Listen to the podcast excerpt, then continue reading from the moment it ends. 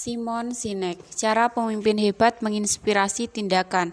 Apa yang memberi para pemimpin besar keunggulan mereka? Mengapa Martin Luther King, Wright bersaudara, dan Steve Jobs sukses ketika orang lain memiliki akses ke sumber daya dan kondisi serupa?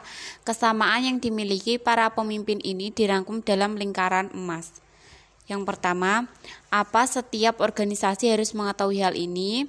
Dua, bagaimana beberapa mengetahui hal ini, nilai-nilai pembeda mereka atau kekayaan intelektual. Ketiga, mengapa hanya yang terbaik yang mengetahui hal ini? Mengapa organisasi mereka ada di luar keuntungan? Organisasi terbaik dapat menjelaskan dan menjual mengapa terlebih dahulu dan menggunakannya untuk menginspirasi orang lain. Orang tidak membeli apa yang Anda lakukan, tetapi mengapa Anda melakukannya. Menggunakan Apple sebagai contoh pernyataan penjualan mereka dimulai dengan mengapa. Mereka-mereka merancang secara berbeda untuk mendorong batas. Setelah Anda menerima alasannya, Anda mempercayai mereka untuk membuatkan apa pun untuk Anda komputer, pemutar MP3, telepon.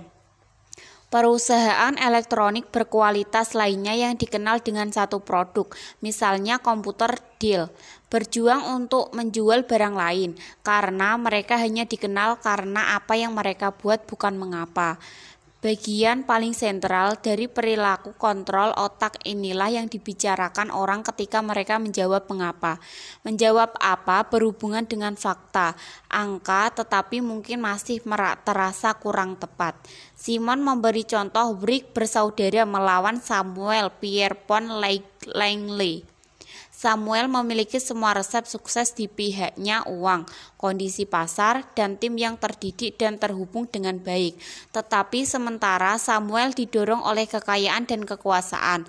Tim Wurik bersaudara termotivasi oleh gagasan untuk mengubah arah sejarah dengan penerbangan bertenaga.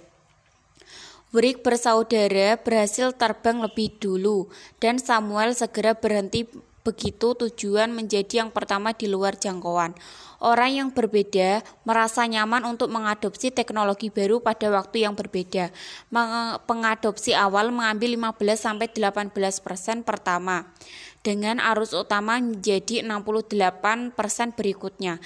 Arus utama membutuhkan pengadopsi awal untuk mencobanya terlebih dahulu berdasarkan insting. Ini membuat pangsa pasar mencapai 20%. Penting mencapai titik kritis di mana arus utama akan mulai mengambil alih dengan cepat. Pengadopsi awal menjual segalanya dengan mengapa mereka akan mengadopsi produk berkualitas buruk jika mereka menyukai ide di baliknya.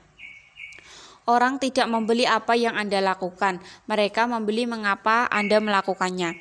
Terima kasih.